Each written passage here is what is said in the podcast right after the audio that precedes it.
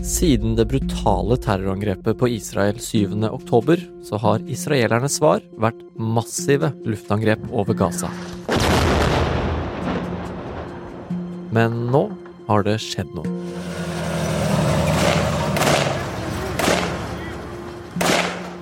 Israelske bakkestyrker har gått inn på Gazastripen. Nå er spørsmålet hva de vil oppnå, og hvor blodig det blir. Du hører på Forklart fra Aftenposten, hvor vi tar for oss én nyhet i hver episode. I dag om Israels bakkestyrker i Gaza og veien videre. Det er torsdag 2. november, og jeg heter David Vekoni.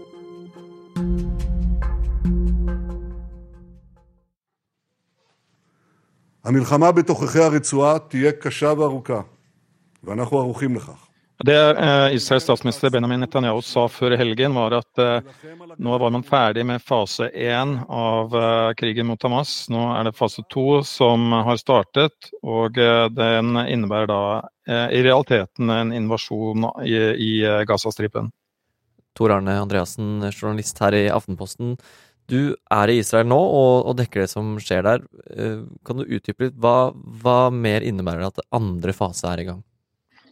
Andre fase i denne krigen til Israel mot eh, Hamas eh, går ut på at eh, Israel sender bakkestyrker inn flere steder i den nordlige delen av Gazastripen. Langs med sjøen og også i den andre siden av den nordlige delen av, av Gazastripen. Også samtidig sender de styrker inn rett nord for eh, det som er Gaza-elven. Og det de oppnår da, hvis de da lykkes, det er å skape en sånn knipetangsmanøver rundt eh, Gaza by. Eh, hvor da Israel regner med at mye av Hamas sine aktiviteter er. Og denne invasjonen skjer jo da etter uh, flere uker med intens bombing av uh, det Israel sier er Hamas-mål på Gazastripen. En bombing som jo har gått hardt utover de sivile på hele Gazastripen, og, og, særlig de som da oppholdt seg i nord. Israel har jo da bedt sivile om å bevege seg sørover. Og Eh, deres satsing er nok at eh, de skal kunne klare å isolere Hamas eh, lenger på den nordlige delen av Gazastripen.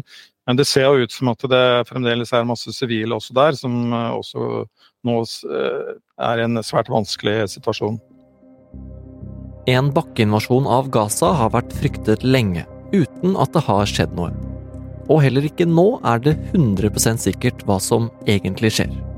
Israels statsminister Benjamin Netanyahu brukte nemlig aldri ordet invasjon, men altså andre fase.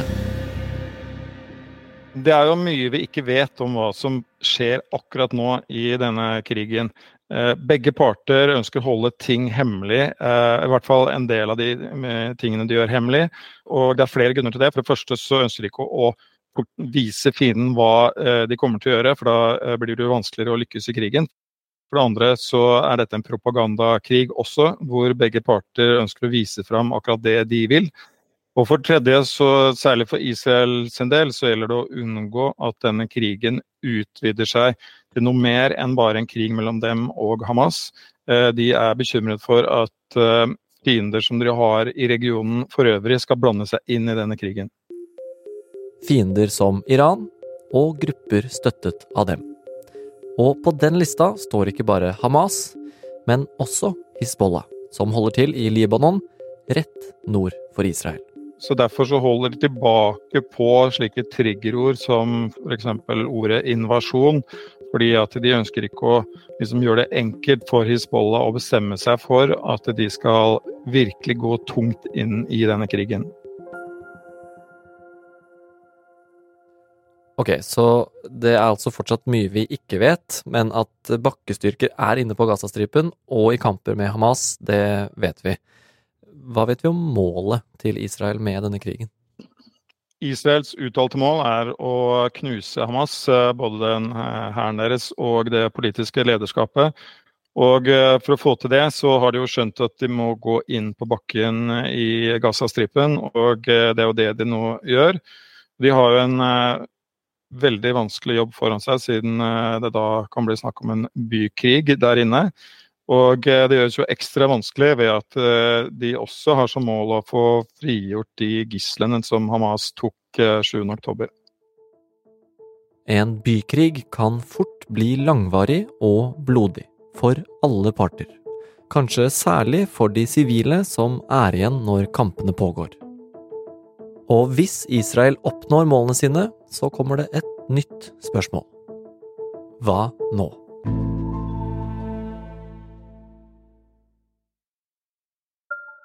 Det vi ser antydning til, er at eh, Israel, eh, de hæren deres, vil forsøke å omringe Gaza by. Og så vil de nok da eh, holde på en god stund med å prøve å slå ut de væpnede gruppene som finnes der inne, altså Hamas sine styrker der. En eh, motstander som er teknologisk underlegen, men som har likevel en del våpen, kan holde ut lenge eh, hvis de er Eh, oppsatt på det. Eh, det advares da om at denne krigen eh, og dette slaget om Gaza by kan ta lang, lang tid. I en tett bykrig vil noen av fordelene til den overlegne israelske hæren bli utlignet. Spesielt i en by der Hamas har hatt lang tid til å forberede seg. Det kan være lagt ut veibomber og miner, og Hamas har mange steder å gjemme seg. For ikke å snakke om Gaza metro. Vi har laget en egen episode om nettverket av tunneler under Gaza, og hvilken fordel det gir palestinske militser, som du finner i podkastfeeden vår. Og en sånn bykrig vil også gå hardt utover sivile. Hvis denne krigen da skal holde på i uker og måneder, så er det jo klart at det vil være enormt med eh, bomber og, og, granater og alt mulig som skytes inn i denne byen. Og eventuelle sivile som da befinner seg der, vil jo være svært utsatt. Mange vil bli drept. Tor Arne har sett denne typen krig før. Han dekket slaget om Mosul i Irak i 2017 i kampen mot IS. Altså, det er den mest intense krigføringen som jeg har vært uh, nære på. Uh, vi var inne der i byen mens kampene pågikk. Uh, det var skyting som foregikk overalt. Man hørte granater som kom susende. Eh, og eh, vi kunne se hvordan krigerne til IS hadde lagd hull i husene som de tok seg gjennom. ikke sant? De, IS hadde også tunneler som de kunne gå igjennom uh, for å komme seg og dukke opp ikke sant, overraskende på angriperne. Uh, da jeg var tilbake der et halvt år etter at byen hadde blitt erobret, så var det bare en helt pulverisert bydel i sentrum der. Det var altså bare lå stein på stein. Det var nesten ikke mulig å se at det hadde vært bygninger der. Og i de ruinene så lå da fremdeles, et halvt år etterpå, eh, masse døde lik.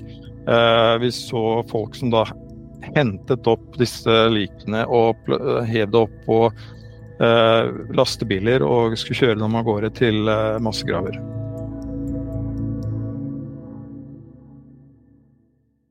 Det vi ser på Gaza nå, kan altså bli starten på enda flere grusomme bilder, enda mer lidelse og tap på alle kanter. Men hva om Israel får til det de prøver på, oppnår målene sine, tar Hamas og redder gislene? Hva skjer da? Hva er planen videre?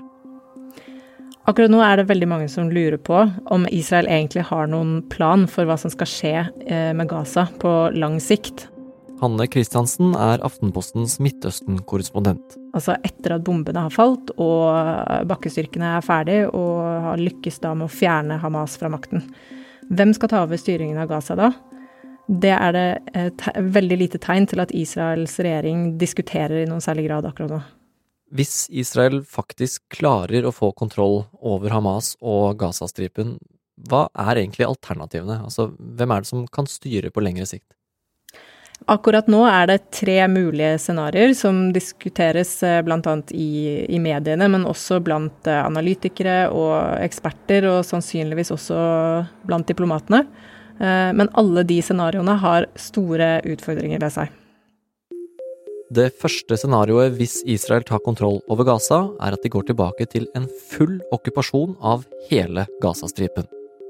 Israel styrte jo Gazastripen frem til 2005. Da trakk de seg ut, både sine soldater og også de bosetningene som fantes eh, på Gazastripen da. Hvis Israel går inn igjen og okkuperer Gaza på nytt, eh, så får de igjen også ansvar for de over to millioner menneskene som bor på Gazastripen. Og det har egentlig israelske ledere vært ganske tydelige på at de ikke ønsker. For det kommer til å skape en situasjon som er vedvarende ustabil og farlig. Eh, både for sivilbefolkningen i Gaza, men også for israelske soldater. De vil være veldig sårbare for uh, bakangrep, for uh, angrep fra væpnede opprørsgrupper. Og det vil også skape en sånn fortsatt grobunn for uh, misnøye og forakt mot israelerne, som da fortsatt vil befinne seg inne på, på okkupert palestinsk territorium. Hva er det andre scenarioet? Det andre scenarioet som trekkes frem av ganske mange, er en situasjon der Israel går inn, fjerner Hamas, og så gir eh, ansvaret for Gaza tilbake til det som heter den palestinske selvstyremyndigheten. Altså de palestinske, eh, den palestinske grupperingen som styrer på Vestbredden i dag. Eh, vi kaller gjerne de for PA, sånn forkortet. Men også det vil bringe med seg store problemer, ikke minst fordi PA ikke har noe særlig legitimitet eller er noe særlig populære blant palestinerne, verken på Vestbredden eller i Gaza. Begge steder anses PA som korrupte og ineffektive, og de anklages også for å være i lomma på Israel, og at de ikke gjør nok for palestinere. Da hjelper det sannsynligvis ikke på troverdigheten at det i så fall er Israel som gir dem lov til å styre på Gazastripen. Så scenario 1 og 2 har klare utfordringer ved seg. Hva med scenario 3? Nei, hvis ikke israelerne selv vil eh, bli værende inne i Gaza, og, eh, og det ikke finnes noen palestinsk gruppe med nok legitimitet og kraft til å holde freden eh, selv, så er et tredje scenario at man må få en internasjonal styrke av et eller annet slag til å holde freden, mens man finner en bedre løsning. Da er det flere som har pekt på en FN-styrke, lik den man f.eks. har i Kosovo. Eh, eller at andre arabiske land, f.eks. Eh, f.eks. Eh, Marokko eller De forente arabiske emirater, skal gå inn og, og bevare freden, da, mens man jobber for å få en bedre politisk situasjon på bakken i Gaza, og etter hvert kanskje kan holde demokratiske valg igjen. Men en av de store utfordringene med dette tredje scenarioet, særlig i den grad det omhandler de andre arabiske landene, er jo at eh, motstanden mot krigen eh, øker veldig kraftig, særlig i den arabiske verden. Og den ideen om at eh, de arabiske landene skal gå inn og rydde opp etter ødeleggelsene som de israelske luftangrepene nå forårsaker, den er det mange som mener er helt virkelighetsfjern. Vet vi hva som er mest sannsynlig at kommer til å skje? Ja, nei, det er jo litt av poenget. At det er uh, ingen av disse løsningene som per i dag fremstår som spesielt gode. Og det ser som sagt ikke ut til at Israel har en konkret plan. Eller at det er noen aktiv diskusjon i regjeringen om hva man egentlig ønsker å uh, oppnå etterpå. Hva man ser for seg etterpå. Uh, og hva Israel nå gjør på bakken, vil jo også påvirke hvilke alternativer man har etter at krigen er over. I mellomtiden er spørsmålet hvor langvarig bykrigen på Gaza kommer til å bli, og om Israel i det hele tatt kommer til å få til det de prøver på. De anslagene jeg har hørt, de varierer fra noen måneder til flere år. Eh, men det som er sikkert, er at det kan ta lang tid. Såpass lang tid at det ikke er sikkert at eh, eh, Israel oppnår målene de har satt seg. Aftenposten har bl.a. snakket med én ekspert som sier at han tror det kommer til å ta så lang tid at det rett og slett blir tvunget fram fredsforhandlinger før det. Det er jo sånn man har sett mange tidligere kriger i Midtøsten avslutta, at andre parter går inn på hver sin side og fremforhandler en våpenhvile.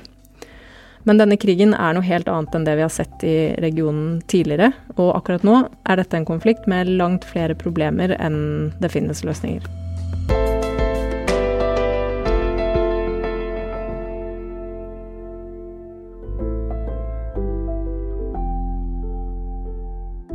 Du har hørt en podkast fra Aftenposten. Det var Tor Arne Andreassen og Hanne Christiansen som forklarte Israels militære operasjon på Gazastripen. Lyden du hørte fra kampene der, er fra det israelske militæret. Ellers har du hørt lyd fra nyhetsbyrået AP. Denne episoden er laget av Anders Weberg og meg, David Bekoni, og resten av Forklart er Synne Søhol, Jenny Førland og Olav Eggesvik. Er det du som kommer her? Natt til 8. november 2018 Ja, det stemmer. skjer det som ikke skal skje, med en gang. med et krigsskip til 4,3 milliarder kroner. Men alle er enige om at det ikke var med vilje. Altså, det er ingen som har lyst til å krasje en fregatt. Og hva er poenget med å straffe vaktsjefen på Helge Ingstad da? Hør dypdykk om hvorfor vi straffer tabba. Du finner den hos Aftenposten eller Podmy.